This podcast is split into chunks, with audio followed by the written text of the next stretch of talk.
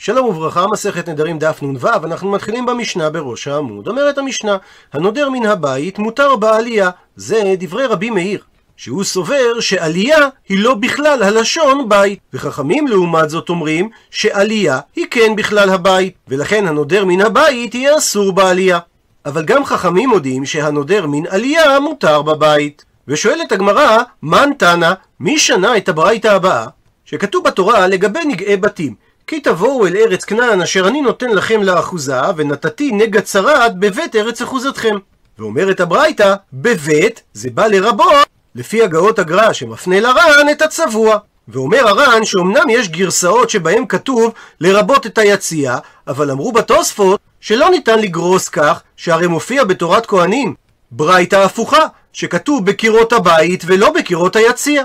ולפיכך כתב הרב רבי משה בר שניאור ז"ל שלא גורסים את המילה יציע אלא צבוע, כלומר בית שצבוע במיני צבעונים והיה צריך הפסוק לרבות לנו שיש הלכות נגעים בבית צבוע כי היית יכול לחשוב ולומר שאולי זה כמו נגעי בגדים שבגדים צבועים אינן מטמאים בצרת הבגד, שהרי כתוב צמר ופשתים, ולומדים מזה מה פשתים שלא נשתנו, אף צמר שלא נשתנה.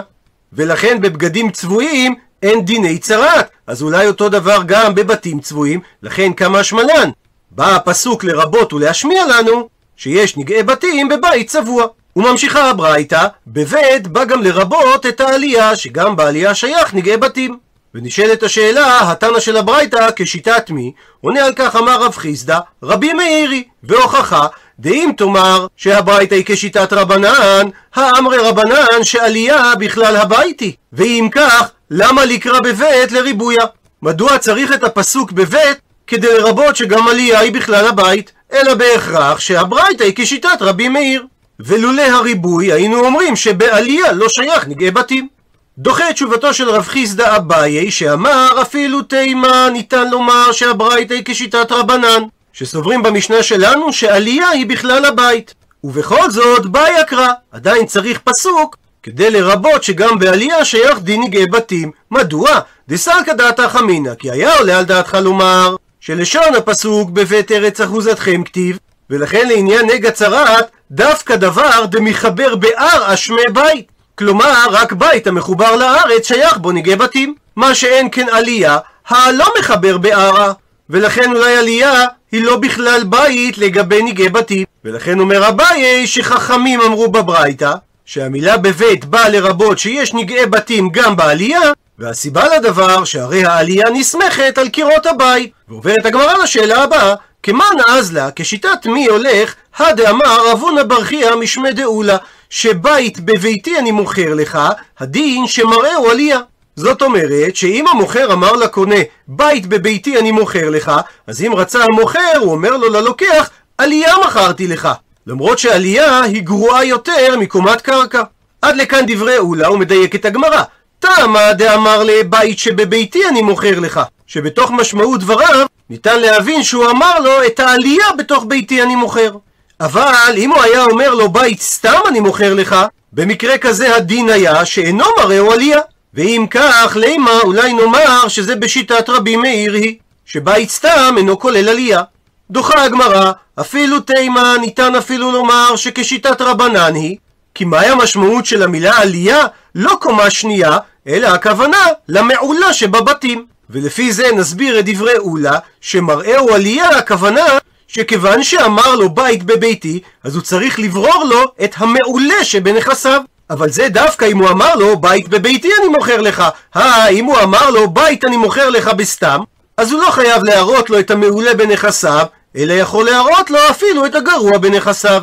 ואומרת המשנה, הנודר מן המיטה מותר בדרגש, מפני שדרגש הוא לא בכלל מיטה. זה דברי רבי מאיר, וחכמים חולקים עליו ואומרים שדרגש הוא כן בכלל מיתה, ולכן הנודר מן המיתה אסור בדרגש, אבל מודים חכמים שהנודר מן הנרגש מותר במיתה, כי אין המיתה בכלל דרגש. ושואלת הגמרא, מהי הכוונה דרגש? עונה על כך, אמר אולה, הכוונה לארסא דגדה. הוא מסביר המפרש שזה מיטה שעורכים אותה למזל ואין שום אדם ישן עליה. ואומר על כך הר"ן בסנהדרין דף ח' ואין הפירוש הזה נכון וחס וחלילה לא תהיה כזאת בישראל בוודאי אסורו מפני דרכי האמורי ועוד יותר חמור ממנו אלא יש לפרש שאותה המיטה היו עושים לסימן של עושר לומר שיש להם בגדים יותר מכדי צורכן לעשות מיטה שלא לצורך ובדרך השנה קוראים אותה המיטה העולם מיטה של מזל טוב. אמרו לי שאלו רבנן לאולה הדתנן, הרי שנינו במשנה במסכת סנהדרין, לגבי מלך שאירה לו עבד, כשהן מברים אותו, דהיינו כשמגישים לו את סעודת ההבראה, אז כל העם מסובים על הארץ, והוא המלך מייסב על הדרגש. עד לכאן לשון המשנה, ולפי דבריך אולה שהסברת שדרגש זה ארסא דגדה, שכולה שטה לא יטיב עלה, שכל השנה עד עכשיו לא ישב המלך על אותה המיטה שהרי מונחת היא למזל הבית, ההוא יום היתיב עלה? אז דווקא באותו יום שהמלך אבל, הוא יישב על המיטה הזאת? הוא מוסיף הראש, והרי דווקא בשעה זו יש לו להתנהג בהכנעה ובנזיפות, וכיצד ייתכן שהוא יישב על מיטה מכובדת כזו? עונה על כך מתקיף לה, מקשה על השאלה רבינא, מידי דהוה זה בדיוק כמו הבשר ויין. דכולה שתא שבמהלך כל השנה אי בעי אכיל ואי בעי לא אכיל, אם המלך רוצה, הוא יאכל בשר וישתה יין, ואם לא, לא. מה שאין כן, ההוא יומא, באותו יום שהוא אבל ונותנים לו לסעודת ההבראה, אנן יהבינן ליה. אנחנו נותנים לו בסעודת ההבראה בשר ויין, וזה משום שכתוב בספר משלי ויין למראי נפש. אז על אותו משקל, אפילו שבמהלך כל השנה המלך לא יושב על ערסא דגדא, בסעודת ההבראה מושיבים אותו על הארסא דגדה כדי לעודד אותו. אלא, אומר אבינה, הקשיא, יש קושייה אחרת להקשות על הסברו של לולה, דתניא, ששנינו בברייתא, דרגש לא היה כופהו אלא זוקפו. זאת אומרת, בבית האבל לא היו הופכים את הדרגש כאשר הרגליים מלמעלה, אלא היה מספיק להעמיד את הדרגש על שני קרעיו ודיו. עד לכאן לשון הברייתא ומקשה רבינה. והיא אמרת שדרגש זה ארסא דגדה הוא, אז מדוע זוקפים ולא הופכים אותו? והתניא, והרי שנינו בברייתא, האבל הכופה את מיתתו, לא מיתתו בלבד הוא כופה, אלא כל מיתות שיש לו בתוך הבית הוא כופה. ואם אתה אומר שארסא דגדה זה מיתה חשובה, אז היה צריך גם לכפות אותה, ולא מספיק היה לזקוף אותה, אלא בהכרח שמע מינה, שדרגש זה לא ארסא דגדה. מתרצת הגמרא, הלא קשיא, הפכנו דף, מדידיה והמיטה מיוחדת לכלים. בדרגש קיים אותו עיקרון, כמו מיטה ששמים עליה כלים שהיא כמו מדף, שהואיל ואין ישנים עליה, אז לא צריך להפוך אותה. דתניא, שכך שנינו בברייתא, אם הייתה מיטה מיוחדת לכלים, אין צריך לכפותה. ולפי אותו עיקרון, גם לא צריך להפוך דרגש. אלא אי קשיא הקשיא. אם יש קושייה על הסברו של אולה, זה הקושייה הבאה. דתניא ששנינו בברייתא, רשב"ג אומר, האבל בימי אבלו, אם יש לו דרגה שהוא מתיר את קרביתיו והוא נופל מאליו. זאת אומרת שהוא מתיר את הלולאות שמחברות בין המצע של המיטה לבין המסגרת שלה, וכך המצע של המיטה נופל מאליו.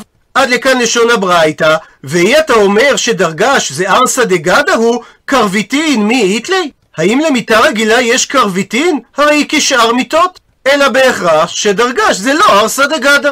ולכן נדחה הסברו של אולה, ומספרת הגמרא, כי עתה כשבא רבין מארץ ישראל לבבל, כך הוא אמר, שאילתי להוא מרבנן, שאלתי את אותו תלמיד חכם ורב תחליפה בר מערב השמי, ששמו היה רב תחליפה בן ארץ ישראל, דאה ושכיח, והוא היה מצוי בשוקא דצלעי, בשוק מעבדי האורות. ואמר לי, מהי הכוונה דרגש? הכוונה לארסא דצלה. למיטה של אור שתולים רצועות בשפת האור סביב וכשרוצים לנטותו, הכוונה להרכיב אותו, עונבים את הרצועות בארוחות בצדדי המיטה וכשמתירים אותם נופל מאליו וזה הכוונה שאמר רשב"ג קרביתיו והסיבה שאמרת נקמה שמתאים את הדרגש על צידו ולא הופכים אותו זה כדי שלא יתקלקל האור בלכלוך הקרקע כי לא היו ראשי קרעיו גבוהים מסירוגו למעלה. ועל כך אמר רבן שמעון בן גמליאל, שמספיק להתיר את קרביתיו והוא נופל מאליו.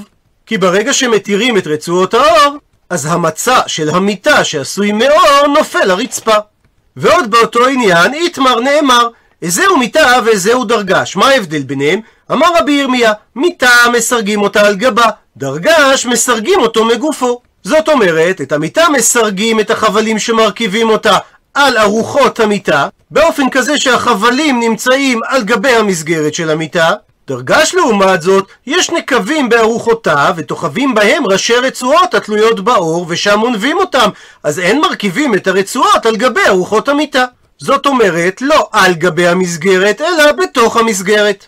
מי טבעי מקשה הגברה ממקור תנאי על דברי רבי ירמיה, שאומרת המשנה במסכת כלים, כלי עץ מאימתי מקבלים טומאה.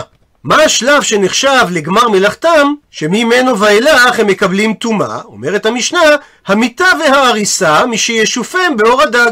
מפני שהשלב האחרון בהכנת המיטה והריסת התינוקות, זה החלקת מסגרת המיטה כדי לייפות אותה. מה שאנחנו מכנים היום נייר לטש או נייר זכוכית, שזה נייר עבה וחזק מצופה בגרגירי זכוכית או גרגירי חומר שוחק אחר, והוא משמש לליטוש ולהחלקה של משטחים מוצקים. עד לכאן לשון המשנה, ואם נסביר כהסברו של רבי ירמיה, שמיטה מסתרגת על גבה, אז למה לי שפעת אור הדג? שהרי מסגרת המיטה מכוסה תמיד או בראשי החבלים המסורגים על גבי המיטה, או על ידי מצע המיטה שמונח על גבי החבלים הללו. אלא אומרת הגמרא, הסבר אחר, מה ההבדל בין מיטה ודרגש? הא והא, זה וזה, מגופן. בשניהם החיבור הוא בגוף המסגרת. ההבדל, מיטה, אאולי ואפוקי בבזיני, בנקבים שנמצאים בארוחות המיטה הוא מכניס ומוציא את ראש החבל, ובדרגש, האולה והפוקי באבקתה. יש לולאות שתלויות בנקבי ארכובותיו, ובהן מכניסים את ראשי הרצויות התלויות בשפת האור. ועוד בענייני סוגי מיטות שהופכים אותם, אמר רבי יעקב בר אחא אמר רבי, מיטה שנקליטיה יוצאים זוגפה ודיו. הוא מסביר הר"ן שנקליטין זה שני עצים ארוכים שמעמידים אותם במיטה, אחד במרשותיה ואחד במרגלותיה, ומפוצלין הן בראשיהן, ומניחים קנה מזה לזה, ועליו פורסים מקהילה. ויש כאלה שהיו מחברים את הנקליטין למיטה עצמה. וזה המקרה עליו דיבר רבי, שהנקליטים יוצאים, זאת אומרת הם מחוברים ויוצאים מן המיטה עצמה, ולכן האבל לא יכול לכפות אותה מפני נקליטיה, ולכן הוא זוקף אותה ודיו. דהיינו, הוא מעמיד אותה על צידה. ולעניין פסיקת הלכה, אמר רבי יעקב ברידי, אמר רבי יהושע בן לוי, הלכה כרשב"ג. ואומרת המשנה, הנודר מן העיר מותר להיכנס לתחומה של עיר, ואסור להיכנס לעיבורה, אבל הנודר מן הבית אסור מן האגף ולפנים. זאת אומרת, הנודר מן העיר מותר לו להיכנס לתוך תחום השבת של העיר. אבל אסור לו להיכנס לתוך עיבורה של העיר, שזה מרחק 70 אמה ושיריים מסוף העיר. אבל הנודר מן הבית, הוא יהיה אסור בכניסה לבית מן האגף ולפנים. מאותה נקודה שדלת מוגפת, דהיינו סגורה, ולפנים לתוך הבית. ושואלת הגמרא, מנלן, מהיכן אנחנו יודעים דעיבורא דמטה כמטה דמי, שהעיבור של העיר נחשב כמו העיר עצמה. עונה על כך, אמר רבי יוחנן, דאמר קרא, שהרי כתוב בכיבוש יריחו, ויהי בהיות יהושע ביריחו, ויישא עיניו וירא, והנה איש עומד לנגדו, וחרבו שלופה בידו. וילך יהושע אליו, ויאמר לו, הלנו אם לצרינו. הוא מדייק רבי יוחנן, מהי הכוונה ביריחו? אילם, האם תאמר שהוא היה ביריחו ממש? זה לא ייתכן, והכתיב שהרי כתוב, ויריחו הסוגרת ומסוגרת מפני בני ישראל, אין יוצא ואין בא. אלא שמע מינה שיהושע היה בעיבורה של יריחו. והפסוק מתייחס לזה כאילו הוא היה ביריחו עצמה. מקשה הגמרא אימה אפילו בתחומה. אולי תאמר שיהושע היה בתחומה של העיר, והפסוק כינה את זה כאילו היה ביריחו ממש. דוחה הגמרא, הכתיב בתחומה. הרי כתוב מפורש לעניין תחומה של העיר, נקרא בפנים, ומדותם מחוץ לעיר את פאת קדמה אלפיים באמה, ואת פאת נגב אלפיים באמה, ואת פאת ים אלפיים באמה, ואת פאת צפון אלפיים באמה, והעיר בתווך, זה יהיה להם מגרשי הערים. הרי מפורש שאלפיים אמה, שזה תחום העיר, מכונה בפסוק מחוץ לעיר. ציטוט מהמשנה הנודר מן הבית אינו אסור אלא מן האגף ולפנים. מדייקת הגמרא, אבל מן האגף ולחוץ לא. מיטיב מקשה על כך רב מרי, שדורשת הברייתא את הפסוק, ויצא הכהן מן הבית אל פתח הבית, והסגיר את הבית שבעת ימים, ושואלת הברייתא, יכול ילך לביתו ויסגיר משם? או על ידי שליח, או על ידי חבל ארוך, שיהיה מחובר לפתח הבית, שאותו הכהן רוצה להסגיר. תלמוד לומר, לכן מודגש בפסוק, אל פתח הבית, שבשעה שהכהן מסגיר את הבית, הוא צריך לעמוד על הפתח של הבית. אבל אי היה כתוב אל פתח הבית, ולא היה כתוב ויצא הכהן מן הבית, אז הייתי יכול לחשוב שיכול יעמוד תחת המשקוף ויסגיר משם, לכן תלמוד לומר ויצא הכהן מן הבית, דהיינו עד שיצא מן הבית כולו. אה, כיצד מתקיימים שני התנאים הללו במקביל? שמצד אחד הוא צריך לצאת אל פתח הבית, ומצד שני הוא צריך לצאת מן הבית כולו? הפתרון שהכהן עומד בצד המשקוף ויסגיר משם. ומנין שאם הוא הלך לביתו והסגיר משם, או שעמד תחת השקוף, דהיינו תחת המשקוף, והסגיר משם שהסגרו בדיעבד מוסגר, תלמוד לומר באותו פסוק, והסגיר את הבית. שמאיתור המילים הנוספות את הבית בא ללמד שמכל מקום בדיעבד הסגרו הסגר. עד לכאן לשון הברייתא, ומקשה רב מרי מדברי הברייתא שאמרה שלכתחילה הכהן צריך לצאת בשעת ההסגר מן הבית כולו, זה אומר שכל השטח מתחת למשקוף נחשב כבית. אז מדוע אמרה המשנה שהנודר מן הבית מותר מן האגף ולחוץ? והרי זה נמצא בתוך שטח המשקוף. מתרצת הגמרא, שאני גבי בית, שונה הדין בנגעי בתים, דכתיב מן הבית, דהיינו עד שיצא מן הבית כולו. שכיוון שכתבה התורה מן הבית וזה מילים מיותרות, זה בא לרבות יציאה אחרת. דהיינו שהוא יצא מכל מה שתחת המשקוף. שהרי אם לא היה כתוב מן הבית אלא רק ויצא הכהן אל פתח הבית, אז הייתי אומר שהכהן עומד תחת המשקוף ומשם הוא מבצע את הסגר הבית. בדיוק כפי שמובן בנדרים שיציאה מהבית זה מהאגף ולחוץ. עד לכאן דף נ"ו. למעוניינים בהרחבה הזכיר הר"ן את הרב רבי משה בר שניאור. שעמד בראש קבוצת חכמי העיר אברה. תוספות אברה הוא קובץ תוספות על התלמוד שנכתב על ידי קבוצת חכמים מהעיר אברה בשלהי המאה ה-13. חכמים אלו היו מאחרוני בעלי התוספות, וחידושיהם שולבו בתוספות הנתפסים עם התלמוד. השם אברה אוית בספרות במגוון של צורות, כגון אברה, עוביה, עברה ועברה. בראש קבוצת חכמי אברה עמדו שלושה אחים, בניו של רב שניאור, רבי משה, רבי שמואל ורבי יצחק, המכונים גדולי עברה. הם למדו במשותף, נשאו ונתנו זה עם זה, ופעמים מוסר האחד את חידושיו של השני. הם כתבו תוספות על מסכתות רבות, אפשר גם שעל כל הש"ס, וחומר רב נשתיים מתורתם על סדר קודשים, וחלקו מובא בשיטה מקובצת על הסדר הזה. התוספות שלהם מכונים גם שיטת אבירה. זמן פעילותם המדויק אינו ידוע, כפי הנראה פעלו בשנים 1224 עד 1295. רבי משה בן רבי שניאור מאיברה נחשב לגדול שבחבורה, הוא היה תלמידם של רבי שמשון משאנץ ורבי יהודה שירליאון, הוא כתב חלק מתוספותיו על ספר ההלכות של הריף, כנראה בגלל מחסור בספרי תלמוד, עקב שריפת התלמוד שהייתה בימיו ב-1244. יש שם מייחסים לו את חיבור התוספות הנתפסים על התלמוד למסכת חגיגה. לרבי משה היה בן בשם רב חיים, ומתלמידיו רבי יונה מגרינודי, וכנראה גם רבי אליעזר מתוך עורך התוספות תוך, שהם היסוד לרבים מקבצי התוספות הנתפסים עם התלמוד.